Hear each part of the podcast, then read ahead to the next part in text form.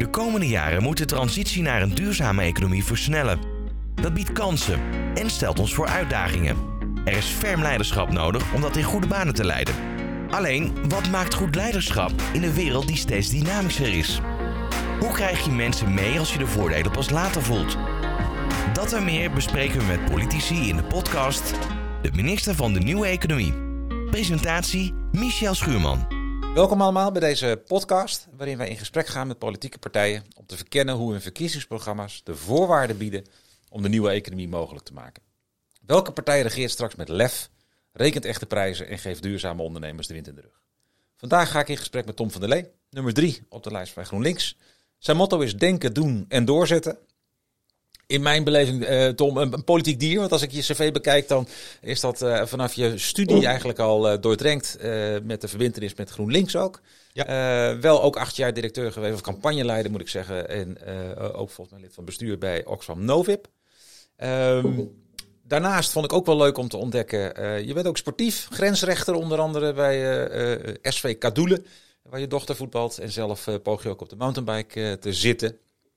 Uh, welkom hier in deze ja, toch geïmproviseerde studio, Tom. Fijn dat je de moeite genomen hebt uh, om hier te komen. Uh, welkom ook Michel Scholten. Ja. Ehm, fijn dat je er bent. Je bent minister van de Nieuwe Economie. je zet je vanuit je organisatie True Price natuurlijk in voor echte prijzen. vandaag gaan we het natuurlijk hebben over, over regeren uiteindelijk. regeren is vooruitzien. Um, en de coronacrisis gaat uiteraard op dit moment veel aandacht naartoe. En tegelijkertijd gaat het volgend kabinet ook aandacht moeten hebben voor een aantal andere zaken die, als we er niet op tijd op reageren, ook tot een crisis kunnen leiden. Dan denken we natuurlijk aan klimaat, stikstof, biodiversiteit, et cetera. De duurzame ontwikkelingsdoelen zijn natuurlijk daarbij een leidraad. Als GroenLinks hebben jullie al heel lang die agenda uh, voorop staan. Maar als ik het nou eens praktisch mag maken, Ton. Als ik nou, stel jullie regeren mee en ik loop over een paar jaar door Nederland heen. Waar zie ik nou de signatuur van GroenLinks dan terug? Ja, ik hoop uh, op uh, verschillende manieren. Uh, zowel heel dicht bij huis, in de zin dat het wat groener in de omgeving is geworden. dat er ook zichtbaar vormen van hernieuwbare opwek in de buurt zijn. het liefst op daken. maar ook misschien op iets meer afstand toch ook meer windturbines. Want die windenergie die hebben we ook nodig. Um, en ik denk ook dat mensen zien dat we op circulariteit dus uh, ja, het goed uh, omgaan met uh, reststroom ook stappen hebben gezet. En ik kan nog veel meer andere onderwerpen noemen, maar het, is niet, het gaat natuurlijk niet alleen maar om wat is visueel zichtbaar. maar ook dat we die grote veranderingen die Nederland door moet maken, dat we die op een eerlijke en rechtvaardige manier vorm gaan geven, zodat iedereen mee kan doen, betrokken is. en ook deelt in de pijn, want het zullen echt ook pijnlijke processen zijn. We hebben 150 jaar massief fossiele brandstoffen verstookt. Het, eh, het aandeel eh, CO2 in onze atmosfeer is met 50% gegroeid. En de opwarming gaat harder dan ooit. En die trend moeten we keren. En uh, dat betekent dus ook moeilijke keuzes. Het is niet alleen maar goed nieuws en het is niet alleen maar leuk. Uh, er zijn hele mooie initiatieven. er is ook nieuwe verdienmodellen te ontwikkelen op duurzaamheid. maar het zal ook een aantal zaken niet meer doen, anders doen, beter doen worden. Ja, en dan hebben wij uh, na het eh, N21 verkiezingsdebat, waar je zelf ook bij was, uh, daags daarna de nieuwe economie-index weer naar buiten gebracht vanuit ja. NVN Nederland. Waarin we laten zien hoe ver zijn we nou op weg naar. En de Rabobank heeft daar aansluitend onderzoek op gedaan, ook met het effect van de coronacrisis eigenlijk bij ondernemers op te halen. En wat daar heel nadrukkelijk uit naar voren kwam, is dat er een ja, toch een kloof aan het ontstaan is tussen bedrijven die, die stappen daarvoor echt wel kunnen nemen. Het zijn vaak ook wat grotere bedrijven die er nog wat slagkracht hebben. Uh, MKB'ers ja, die dan toch meer in moeten teren op de reserves op dit moment. Eigenlijk die duurzaamheidsagenda misschien mentaal nog wel omarmen, maar in de praktijk uh, wat meer moeite hebben om uit te voeren. Uh, wat zou GroenLinks doen om die ondernemers verder te helpen? Ja, ik denk dat je wat je ziet tussen zeg maar de grote en de kleine ondernemers geldt eigenlijk ook voor de mensen met meer vermogen en minder vermogen. Er is een, concentratie van vermogen ontstaan. Waardoor mensen die daar minder toegang toe hebben, ook uh, meer moeite hebben om stappen te zetten in de transitie. Dus die zul je daarbij moeten helpen. En dat betekent uh, ja, voor kleinere bedrijven ook uh, gerichte stimulerings- en ondersteuningsprogramma. Maar wel als onderdeel van het beprijzen van al die dingen die we niet meer willen. zodat ook die nieuwe duurzame alternatieven ook sneller rendabeler worden. Want we kunnen niet alle onrendabele toppen tot in de oneindigheid uh, met subsidies uh, ja, vergoeden. Hè. Eh, dus die eerlijke prijzen zullen ook stapsgewijs moeten worden ingevoerd. En dan denk ik dat ook kleinere bedrijven ja, die stappen kunnen zetten. Voor opgezet dat de, de grotere, vermogende bedrijven gedwongen worden om veel sneller te gaan. Daarmee ook ja, de vraag zal groeien naar duurzame producten. Maar dat geldt zeker ook voor de overheid, die 70 miljard aan aanbestedingen ieder jaar in de markt zet. Wel nu randvoorwaarden heeft gecreëerd voor groen aanbesteden. Maar je ziet dat in de uitvoering, als het erop aankomt, men uh, ja, toch kiest voor uh, vaak wat traditionelere, misschien initieel goedkopere fossiele alternatieven. In plaats van echt duurzame uh, oplossingen die bijdragen aan de reductie van broeikasgassen, maar ook de circulariteit van onze economie bevorderen. Ja. En dat betekent dat overal waar beslissers zitten, in grote bedrijven, maar ook in gemeenten, provincies, het Rijk, ministeries en allerlei uitvoeringsorganisaties, ook veel kritischer moet worden gekeken naar eh, welke ondernemer heeft de meest duurzame en beste offerte ingediend op een bepaalde aanbesteding. En dan kunnen we met elkaar vaart maken in uh, die noodzakelijke transities. Ja, en er wordt veel gezegd. En ik ben ook benieuwd, Michel, hoe jij er als minister van de Nieuwe Economie naar kijkt. Maar op het moment dat we een aantal punten die jij noemt, hè, dus we gaan echte prijzen hanteren, we gaan uh, die, die, die, die, zaken die we niet willen eigenlijk toch meer belasten ja, dan wordt het toch wel steeds duurder het leven, ook voor een overheid. Dus dan komen we in allerlei tekorten. Dus ja, eigenlijk is groen misschien wel uh, per definitie duurder en dus ook niet echt links, want het gaat allemaal meer kosten dan neemt die kloof alleen maar toe. Hoe kijken jullie daarnaar? En ja, daarna, kijk, ben ik benieuwd hoe jij daarnaar kijkt. Ook hier gaat de kost voor de baat uit. Um, en we staan voor een, dat zie ik ook hoor, echt een forse investeringspiek op de korte termijn om op de langere termijn daar heel veel van te profiteren. Zowel in de zin dat je de transities versnelt, je klimaatdoelen haalt, maar ook nieuwe verdienmodellen mogelijk maakt. En de Nederlandse overheid kan dat. Wij hebben relatief, zelfs ondanks alle steunprogramma's uh, voor corona, een hele lage staatsschuld vergeleken met uh, alle lidstaten van de Europese Unie. We hebben 1500 miljard euro in de kassen van de pensioenfondsen. Het netto vermogen van de Nederlanders is 1200 miljard. We hebben grote bedrijven die profiteren van het feit dat wij al jarenlang het grootste betalingsbalansoverschot van de Europese Unie hebben. 80, 90 miljard per jaar verdienen wij in andere landen. En dat komt vaak terecht in uh, bedrijfskassen. En wat doet men ermee? Aandelen opkopen. In plaats van investeren in onze economie of die in andere, in die noodzakelijke transities. Er is meer dan genoeg kapitaal, maar we moeten nu de politieke wil hebben en ook het beleid in gang zetten, zodat kapitaalkrachtige ja, organisaties, pensioenfondsen en bedrijven de noodzakelijke stappen gaan zetten. En dan is het uh, echt betaalbaar. En die schuld die je opbouwt, die gaat sneller dalen, omdat je nieuwe groene verdienmodellen creëert en je economie groen groeit, waardoor in relatieve zin je staatsschuld ook weer snel kleiner zal worden. Ja. En dat is een, een, een, denk ik een opvatting die gelukkig meer terrein wint. Zelfs bij centrumrechtse partijen zie je nu toch dat men inziet dat de overheid flos moet gaan investeren. De mate waarin zullen we nog wel over verschillen, maar ik ben wel optimistisch dat dit de richting is die men op wil. Tegelijkertijd zien we wereldwijd nu dat er minder wordt geïnvesteerd in groene oplossingen dan in, de, in het herstel na de economische recessie uh, die uh, volgde op de financiële crisis. Ja. Uh, het is nu maar 16% van de investeringen gaat daar naartoe. En toen was het 18%. Dus het is nog niet gelukt om het groen herstel in gang te zetten. En, uh, en ik denk dat uh, het volgende regeerakkoord daar volop uh, zou moeten inzetten. Zowel met incidentele middelen. Hè, we hebben nu dat nieuwe, ja, het heet een groeifonds. Ik zou het liever een klimaatfonds willen noemen. Het is ons als GroenLinks gelukt om af te dwingen dat daar een interne CO2-prijs in wordt toegepast. maar ik denk dat dat fonds groter moet en veel groener moet worden. Maar dat gaat vooral over investeringen. Maar dan ben je er nog niet. Je zult ook nieuwe markten moeten creëren. Dat kan via aanbestedingen. Dat kan ook via normeren. Stapsgewijs criteria opvoeren voor producten. En je zult af en toe, misschien bij, bijvoorbeeld door bijmengverplichtingen op te leggen, als het gaat om de toepassing van groene waterstof, als overheid mede met commerciële partijen nieuwe markten moet creëren. Nieuwe duurzame groene uh, markten die die fossiele verdienmodellen gaan vervangen. Ja, en nu noem je een, een aantal uh, inderdaad oplossingsrichtingen. Ja. Uh, ervan uitgaande, stel even dat jullie als GroenLinks uh, uh, straks mee aan tafel zitten om te komen tot een kabinet. Nou, op basis van de huidige polls zou je kunnen zeggen, daar zit je met nou, centrumrechtse partijen aan tafel. welke van die oplossingsrichtingen die je net schetst is voor jullie dan echt een must-have? Wat is nou een heilig huis waar je zegt van ja, maar daar valt echt niet over te spreken? Nou ja, de must-have is dat wij als overheid echt de koers moeten verleggen. We, nog steeds tot op de dag van vandaag uh, ja, hebben wij financiële steun voor allerlei fossiele activiteiten. Uh, Wiebes heeft op mijn verzoek, uh, twee jaar te laat eerlijk gezegd, maar in kaart gebracht. En hij komt tot 4,5 miljard euro. Dat is een half miljard meer dan we jaarlijks aan het klimaatbeleid uitgeven. Maar er stonden heel veel PM-posten in. En Alman Mette, een oud Europarlementariër, heeft recent in Justice een, een, artikel geschreven waarin hij die PM-posten dus uitgewerkt heeft. Daarbij heeft hij wel de aanname gemaakt ik ga hetzelfde tarief gebruiken voor de grootverbruikers als de kleinverbruiker gebruikt. En dat heeft hij doorgerekend. En hij komt op 17,5 miljard euro per jaar aan voordelen voor fossiele activiteiten. Ja. Terwijl ons klimaatbeleid maar 4 miljard kost. Ja, dan ben je dus echt verkeerd bezig. Dus voor ons is een must het afbouwen van die fossiele voordelen. Zeker bij grootverbruikers die enorme vrijstellingen hebben. Dat moet anders. Wat ons betreft komt daar ook een CO2-prijs bij. Eh, en die middelen die gaan wij terugsluizen uh, om die transities, die ook in de industrie en de bedrijfsleden nodig zijn, te ondersteunen.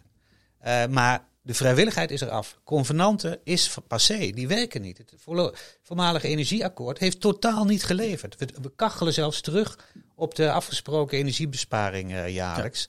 Dus het moet gewoon dwingender, met stevig prijsbeleid, uh, met handhaving daar waar verplichtingen zijn opgelegd. Ja, en stevige financiële duurzame prikkels. En ja, weg van al die fossiele voordelen die we in het verleden hebben geboden. Ja, Helder.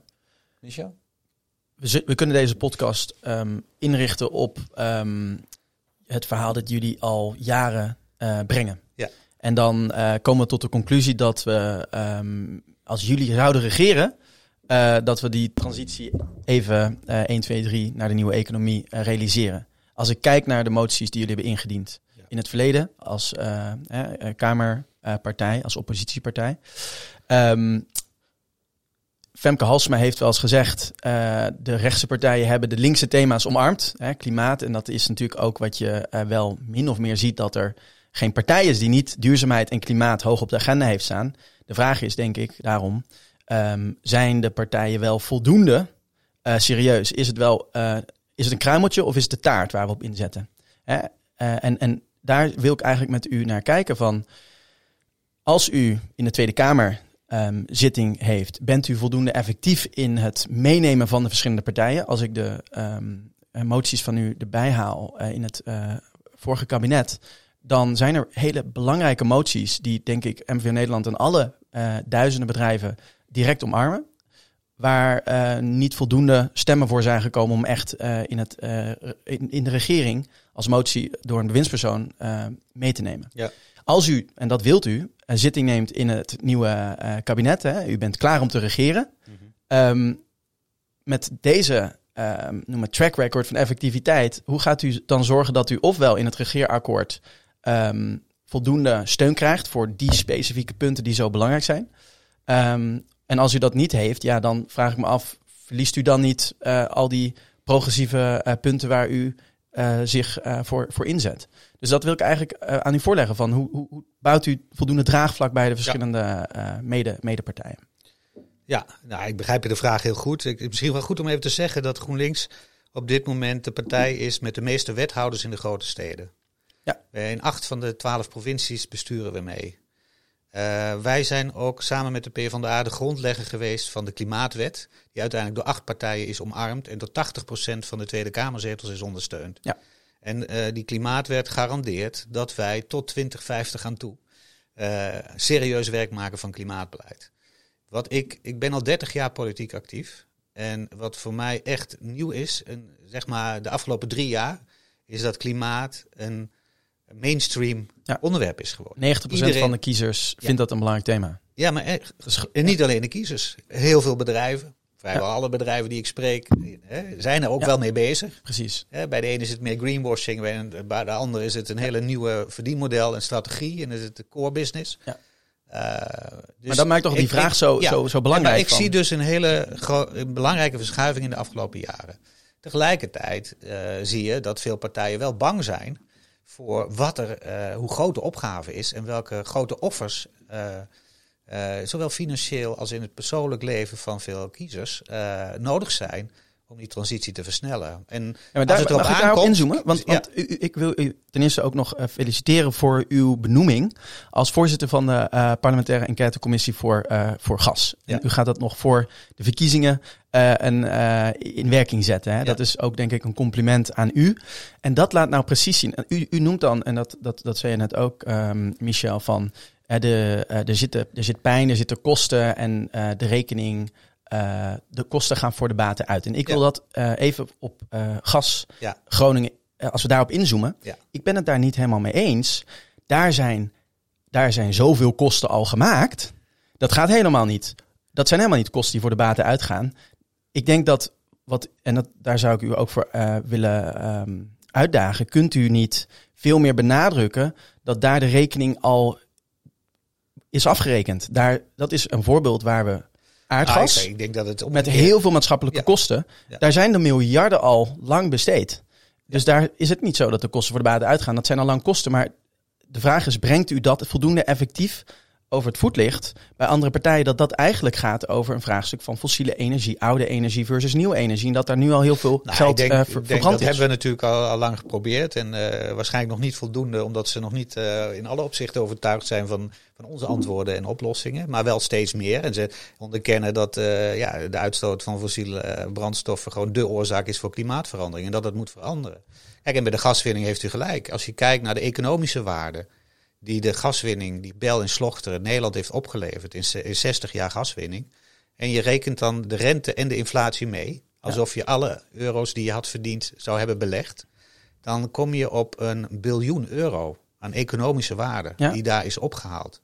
Dat staat in geen verhouding tot uh, de ook hoge kosten die nodig zijn om schade en versterking te realiseren. Toch lukt het ons niet om dat te doen. En, en, en, ook nog het, de, menselijke ramp. hè? De menselijke ramp van die mensen in Groningen, dat is bijna priceless. Dat is, Daar kan, kan je geen prijs op plakken. Nee, maar het gegeven is wel, en uh, ja, vroeger heette het zelfs de Dutch disease, dat uh, zo'n bron van inkomsten heel veel welvaart brengt.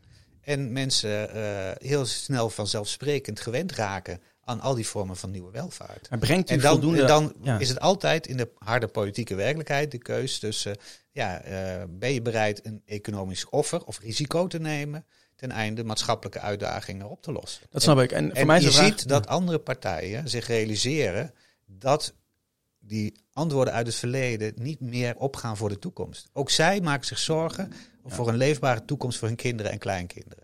Ja. Tegelijkertijd uh, willen ze die welvaart ook behouden. Zijn ze bang dat Nederland te snel voorop zou gaan lopen? Nou, die angst heb ik totaal niet, want wij lopen enorm achter ja. tegen al onze lidstaten. Uh, en uh, het geluk is dat de wetenschap, de planbureaus, iedereen die hier naar kijkt, het eens is met onze analyse. Ja. Nederland moet veel meer doen. Ja. En uh, naarmate kiezers daar meer van doordrongen zijn, zullen andere partijen ook die stappen gaan zetten. Helder. En als ik dan kijk naar moties die u heeft ingediend in het vorige kabinet. En, ja. Want ik leg u het vuur aan de schenen vanuit die uh, vraagstukken over effectiviteit en hoe, u, uh, het, hoe u moties indient. Meer mensen aan uw kant krijgt. En ik denk als u het belang van klimaat benadrukt, dat u minder mensen bij wijze van spreken aan uw kant krijgt dan wanneer u zegt banen die verdwijnen of het financiële de voorraad van pensioenen die, uh, die verdwijnen. Ja. Uh, motie uh, van de leden Wassenberg en Van der Lee over het verduurzamen van de beleggingsportefeuille van het ABP. Ja. Dat is in september 2017 ja. door u ehm, ingediend. Um, dat lijkt niet op de steun gerekend te hebben van alle partijen.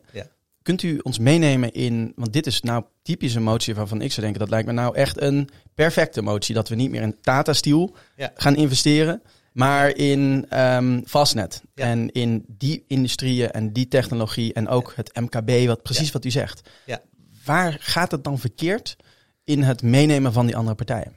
Um, nou ja, ik denk dat dat. Ja, waar gaat het verkeerd? Het, uh, kijk, Nederland is een, een heel ver doorontwikkelde democratische samenleving. De overheid gaat niet over de potten van de pensioenfondsen.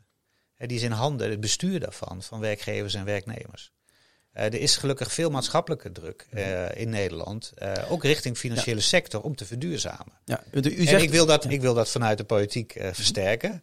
Uh, en soms vinden andere partijen dat het risico dat de overheid zich hier te veel mee gaat bemoeien, er zou, toe zou kunnen leiden dat er zelfs wetgeving komt dat de overheid een greep gaat doen uit pensioenkasten. Bijvoorbeeld om die duurzame transities te financieren. Dus men, Men, men, men is bang, zeg maar, voor te vergaand overheidsingrijpen. men is ook wel bang voor de rendementen van pensioenfondsen. en dat zie je natuurlijk ook in die zin.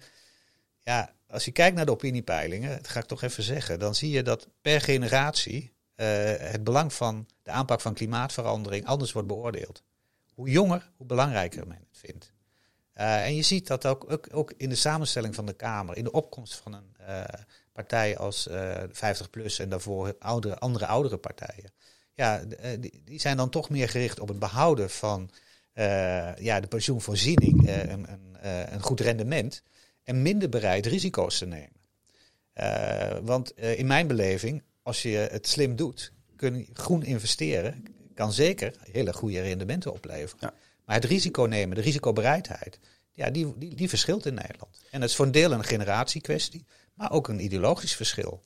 Uh, en dan lukt het inderdaad niet altijd om de Kamer zeg maar in meerderheid hierachter te krijgen. Maar gelukkig zien we uh, dat als het gaat om de financiële sector, Nederland zich uh, in die zin goed ontwikkeld heeft, dat er heel veel initiatieven uit die sector zijn gekomen de afgelopen jaren. Veel meer nog dan in andere landen.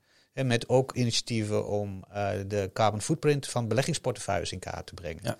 En er zijn ook convenanten afgesloten met de financiële sector, met de banken. Daar ben ik zelf ooit betrokken bij geweest toen ik nog ja. een van de directeuren was van Oxfam Novib.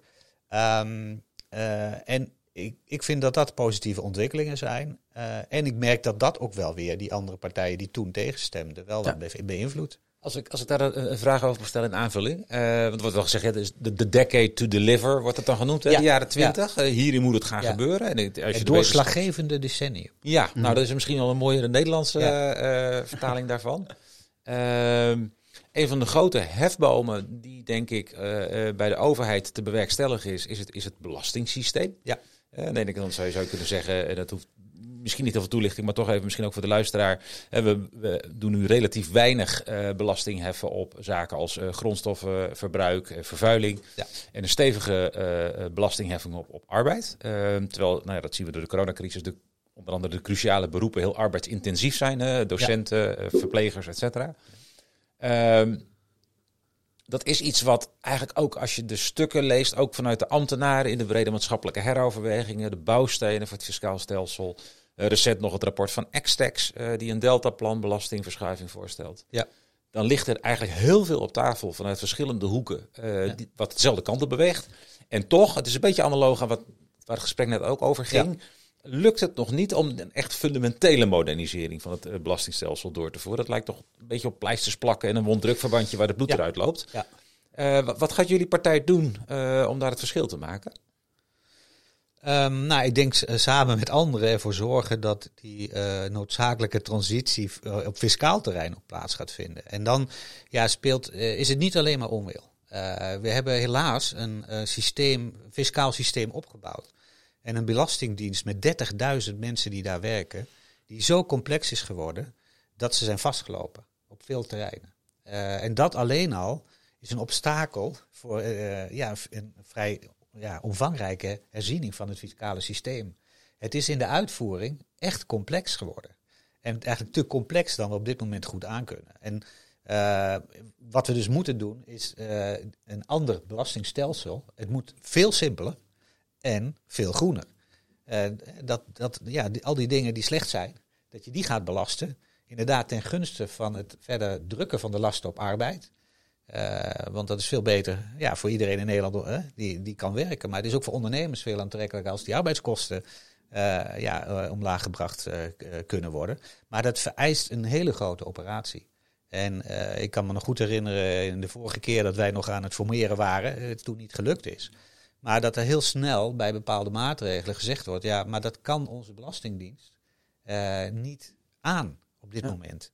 Uh, dus ik, ik benoem dat probleem even, omdat het niet alleen maar een kwestie is van politieke onwil. Kijk, en die is er ook. Hè, er is ook gewoon onwil. Mm Er is natuurlijk uh, een angst bij bepaalde centrumrechtse partijen voor een te radicale fiscale herziening. omdat zij vinden dat we niet moeten doorslaan in, ja, in progressiviteit. Hmm. Dat men heel tijd maar bang is voor een ongelijk speelveld.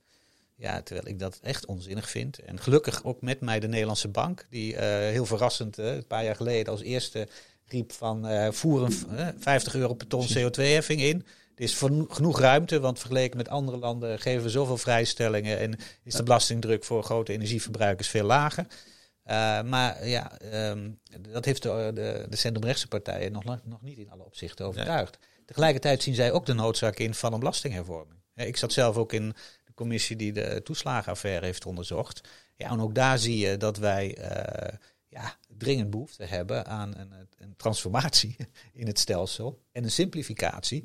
Waarbij je misschien ook iets meer vertrouwen moet geven uh, en niet alles op wantrouwen moet organiseren. En niet heel complexe rondpompsystemen van geld creëert. Uh, Maar dat, dat uh, is een, een, grote opgave. En ik ga er zonder meer van uit dat in de, de komende formatie op het terrein van de fiscus hele ingrijpende veranderingen worden voorgeschoteld. ja. waarbij de uitdaging om dat in om te zetten, daadwerkelijk, in nieuwe wetten en regelgeving en een functionerende uitvoering een gigantische klus wordt. Ja, dus inderdaad, stel even dat de politieke wil er, er breed uh, genoeg is. Uh, dan, dan is inderdaad nog een, een, vraagstuk de uitvoering daarvan. Hè? Ja. Even kort ja. de bocht gezegd, kan de Belastingdienst dat aan? Ja. Uh, wat gaat uw partij doen om dat te versterken? Nou ja, ik, denk dat wij uh, ook in die zin bereid zijn offers te brengen. in de zin dat je op een gegeven moment moet kiezen voor een, wat vereenvoudigd systeem. Dat echt goed te begrijpen is en ook in een goede richting werkt. En dat je jezelf ook moet behoeden voor heel fijnmazig maatwerk willen leveren. want daardoor worden dingen heel complex. En lukt het vervolgens niet in de uitvoering om, om dat ook daadwerkelijk voor burgers en bedrijven te leveren. Wat alleen maar leidt tot frustratie. en, ja, en ook ja, ook politieke trammeland. Voor als het weer anders blijkt te zijn gegaan dan is beloofd. Aller, dus, mag ik, want om daarop aan te haken. En ja. ik, ik, ik probeer het. Um, ik wil uw positie nog wat uh, verhelderen. Ja. Ik wil u niet zeg maar, want ik, ik omarm ja, heel veel van wat u zegt. Ja. De reactie van GroenLinks op uh, de toeslagenaffaire was het gratis maken van de kinderopvang. ja. Um, ja. Omtzichtsreactie daarop was weer van we maken het weer, we komen weer met um, moties voor de bühne. Ja. Um, oplossingen voor de bühne. Ja. Zonder dat we echt grondig nadenken over de uitvoerbaarheid. En daar, daar sta, staat u nu ook bij stil. Ja. Daaronder een van de punten die uit ook uh, omzichts- en leiderswerk uh, uh, naar voren komt, is de vraag: is er voldoende capaciteit bij de partijen zelf? Wordt er voldoende geïnvesteerd in denktanken? Hebben Kamerleden voldoende noem het uh, ondersteuning om echt die fundamenten in te gaan. Om inderdaad op uitvoerbaarheid uh, moties uh, te toetsen. Nou, het zijn twee verschillende dingen. Ik denk ten eerste is het omslag, sorry, het toeslagensysteem zoals we het kennen, ja. bedacht door mensen als Pieter Omzicht. He, dus, even, even nog los van welke partij. Maar, ja, nee, maar, maar het, gaat het zijn wel de punten die daar. Dat, dat wij ook toen al uh, bedenkingen hadden bij dit, bij dit systeem. Ook nee, toen al ijverden wij voor maak van kinderopvang een publieke voorziening. Maakt het veel eenvoudiger dan het systeem dat we nu hebben. Uh, waarin per se marktwerking moest worden geïntroduceerd. En alle verantwoordelijkheden bij de individuele burger en alle risico's bij de individuele burger zijn gelegd. Uh, dus uh, wat wij willen is dat je een aantal belangrijke voorzieningen, die heel veel mensen gebruiken, daar ook gewoon collectieve voorzieningen van maakt. En dat je dat als overheid goed organiseert. Ook rechtstreeks de financiering regelt met bedrijven die die diensten aanbieden. Maar wel op zo'n manier dat ze daar uh, niet eh, belachelijke marges op uh, kunnen verdienen. En dat je de burgers ontlast en goede voorzieningen geeft.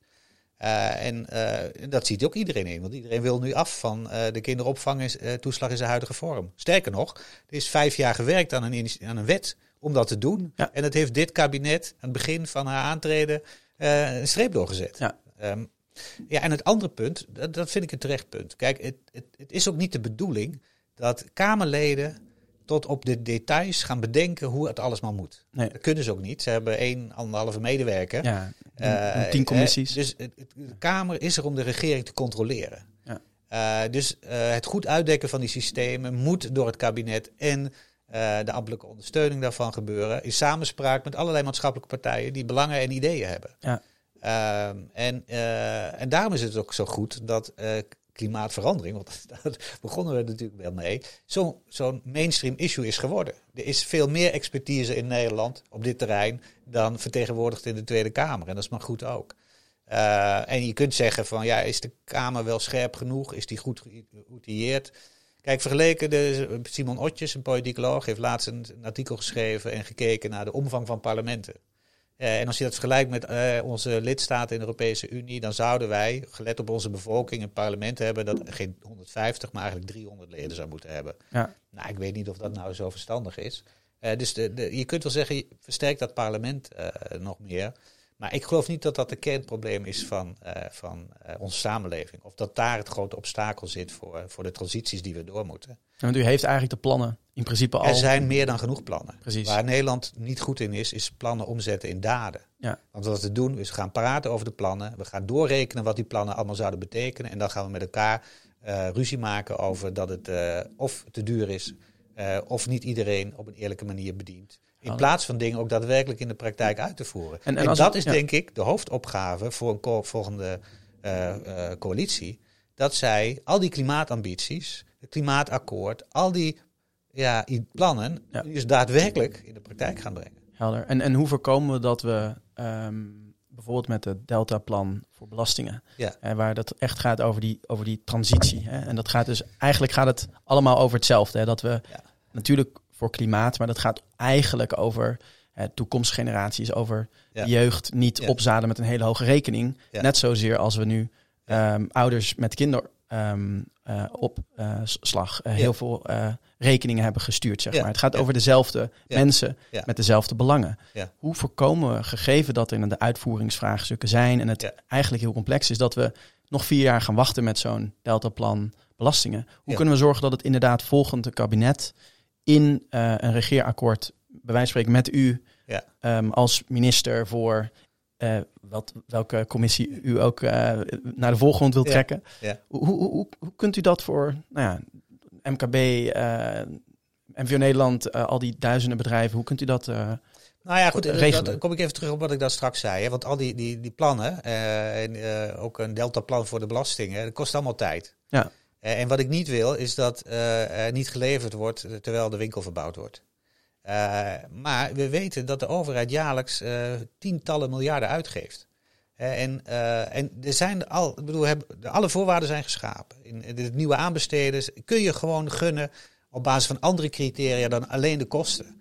Dat kunnen we gewoon nu doen. Daar, daar is geen enkele wetswijziging meer voor nodig. Dat betekent alleen dat degene die besluiten over de budgetten niet moeten kijken naar de hele korte termijn. Maar ook moeten kijken, meer vanuit een, een balansbenadering van uh, voor de toekomst is het beter dat we duurzaam ja. investeren. Want dat gaat ons op termijn ook geld besparen. Dan dat we nu op de korte termijn even een wat goedkopere offerte maar uh, kiezen. Dus eigenlijk dat, laaghangend fruit. Ja, Inzet op laaghangend fruit, dingen maar, die... Maar het is niet laaghangend fruit. Kijk, het, het zijn namelijk vrij dagelijkse worstelingen met budgetten met een systematiek van een overheidsbegroting die op jaren kijkt naar dingen in plaats van op een langere termijn. En hetzelfde probleem zie je bij bedrijven. die, ja, bedrijven kijken gewoon naar een iets te korte termijn. En zeker beursgenoteerde bedrijven. Een familiebedrijf zoals Westzaan, zeg maar, de zadenveredelaar die goed werk doet in ontwikkelingslanden. Dat is een familiebedrijf en die is bereid op een horizon van tien jaar te werken. Ja. En dat is niet eens zo lang, maar dat is al veel langer dan een gemiddeld bedrijf. En dat doen wij als overheid eigenlijk veel te weinig. Uh, en dat, dat is iets wat je nu al kunt veranderen. Um, en met inkoop bijvoorbeeld. Ja, ja, uh, ja, een overheid met lef. Ja. Die, uh, en start, start grotere programma's. Kijk, we hebben enorm veel straatverlichting in Nederland. Hè, vanwege al die mooie infrastructuur die we hebben. Pas 5% daarvan is ledverlichting. 5%. 95% niet. Daar kun je enorm veel energie besparen. Uh, maar ook die hele ledverlichting business, ja, dat is echt een heel interessant verdien, MKB-bedrijven die daar. Daar kun je nu al mee beginnen. Daar hoef je niet hele grote masterplannen voor te maken. Precies. En al die stappen worden niet gezet. We, we, we, stoppen veel te veel energie in met elkaar discussiëren en kijken van we gaan een ideaal systeem ontwikkelen. Nou, ideale systemen bestaan er niet. Nee.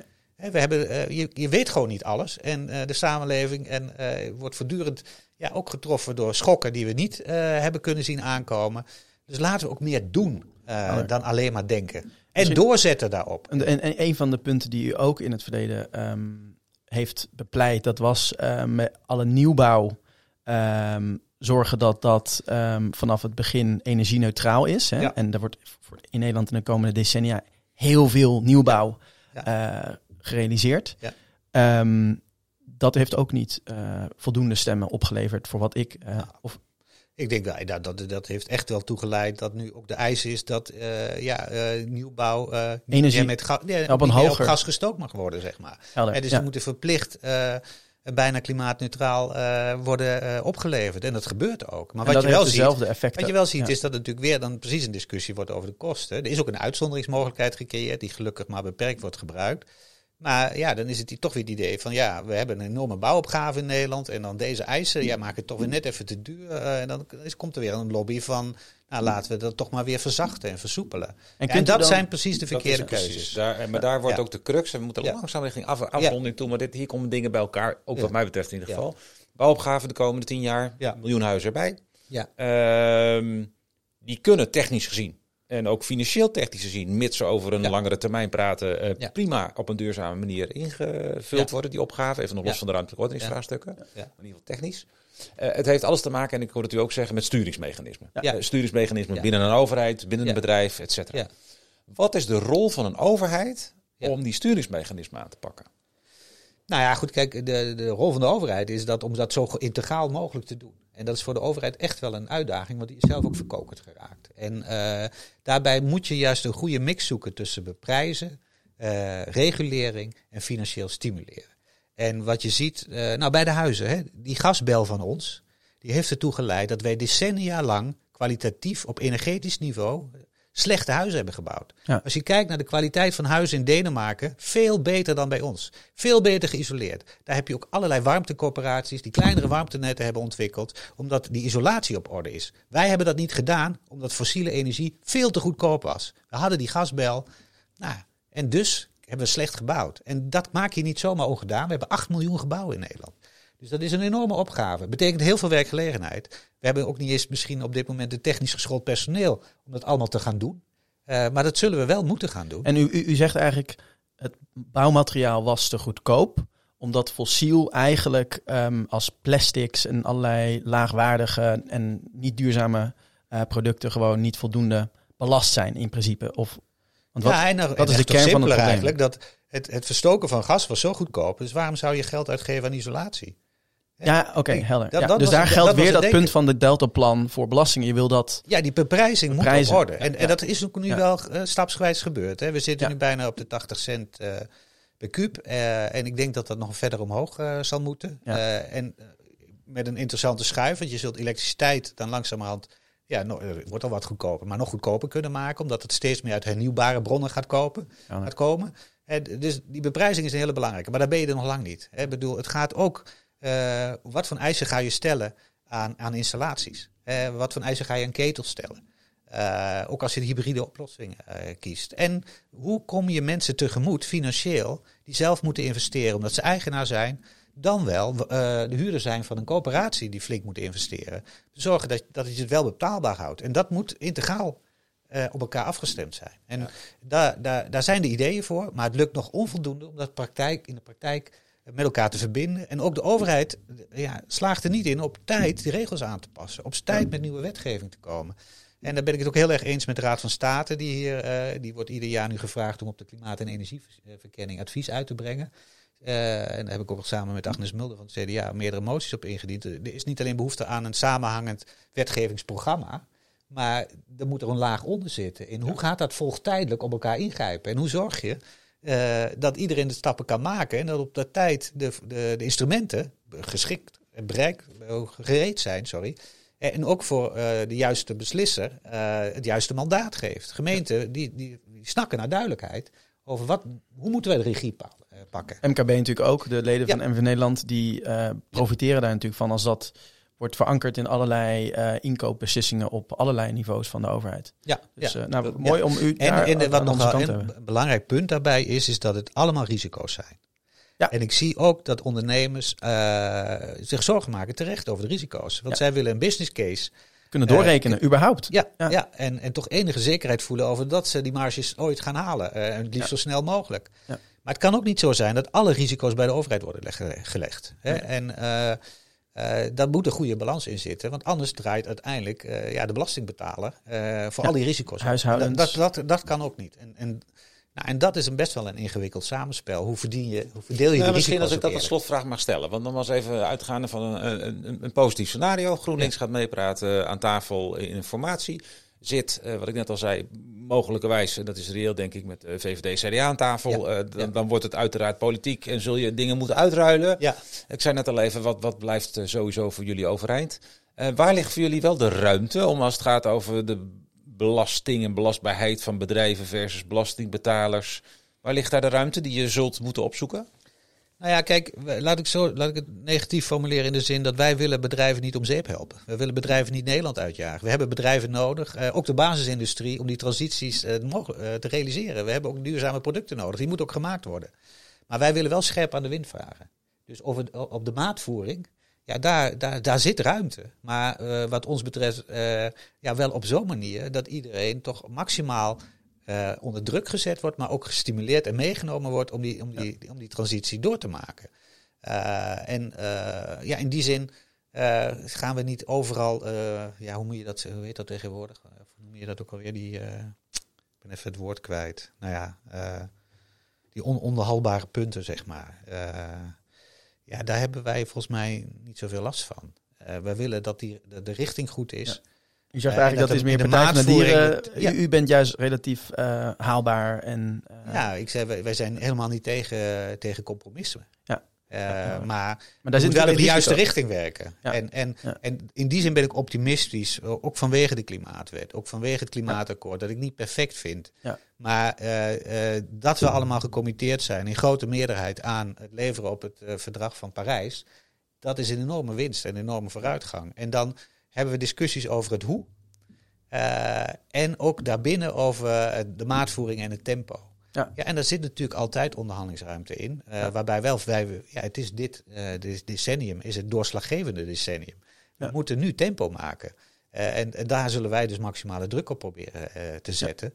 Maar wel uh, ja, ook democratische meerderheden uh, voor willen respecteren. Vinden. Ja, nou, dat lijkt me een, een mooie afsluiting. Mag ik nog even? Want die, nabrander? Ja, van nabrander. Ja. we hebben um, natuurlijk uh, een cadeautje voor jou ja. meegenomen. een echte chocoladereep, een groene. Ja, ja uh, de groene uh, Tony Chocolonely. En ja. um, dat is natuurlijk omdat het uh, nou, groen links is. Ja. ik wil je vragen, wat is daarvan de echte prijs? Als we hem inderdaad met al die sociale milieukosten die nou, nu al betaald worden, niet per se later. Wat zou hiervan de echte prijs zijn? Die gaat zeg voor een 3 euro over de toonbank. Wat zou de echte prijs zijn als je afrekent voor die sociale milieukosten? Bij cacao. Hier zit cacao in, hier zit um, uh, melk, melk in ja. en ook uh, ja. suiker en nog wat uh, hazelnootjes. Ja. Als je daar zeg maar een procent, percentage verhoging van de prijs zou moeten doorrekenen, wat zou dat Jeetje, percentage zijn? Eerlijk zeggen dat ik dat Is het zeg maar meer dan, meer dan 5 procent, meer dan 10 procent, 5, 15 procent, 20 procent? Uh, ja, goed, het ligt aan waar je de producten vandaan haalt natuurlijk. Hè. Gaat uit Ivoorkust? Ik zou, ga nu 20% zeggen. Ik Helder. moet zeggen, ik was, ja. vroeger was ik daar uh, scherper op. Nou ja, ik vind het een uh, vrij uh, scherpe schatting. Dus ja. het is zo'n 80 cent zeg maar op een reepje chocola. Dus ja. nou, dat is geen, geen slechte schatting. Nee. En um, inderdaad, dat zijn kosten die in ja, toenemende mate nu worden afgerekend. Ja. Zoals bijvoorbeeld uh, aardgasrampen uh, in Groningen. Ja. Zoals bijvoorbeeld uh, de werkloosheid, die je natuurlijk ja. ziet bij heel veel van de fossiele ja. bedrijven. Dus ja. ja. cadeautje en super. Nou, dankjewel. Om, nou, misschien mag ik er één ding nog over zeggen. want ik ben, ik ben vroeger ook wel eens bij cacaoboeren geweest, of boertjes. Moet je dat zeggen? Want die zitten in Nigeria bijvoorbeeld midden in de jungle. Die hebben 50 cacaobonen die ze van hun ouders hebben geërfd.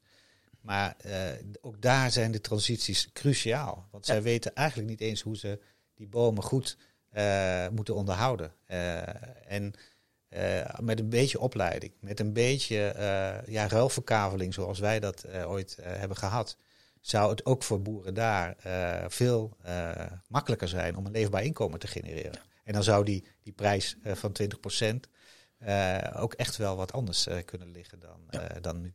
Ja, en, en natuurlijk als we dan weer de kosten die we nu maken ervan aftrekken, dan komt het uiteindelijk niet zo heel veel duurder uit. Want we betalen ja. de rekening nu, nu maar wel ja. achteraf. Dus de, ja.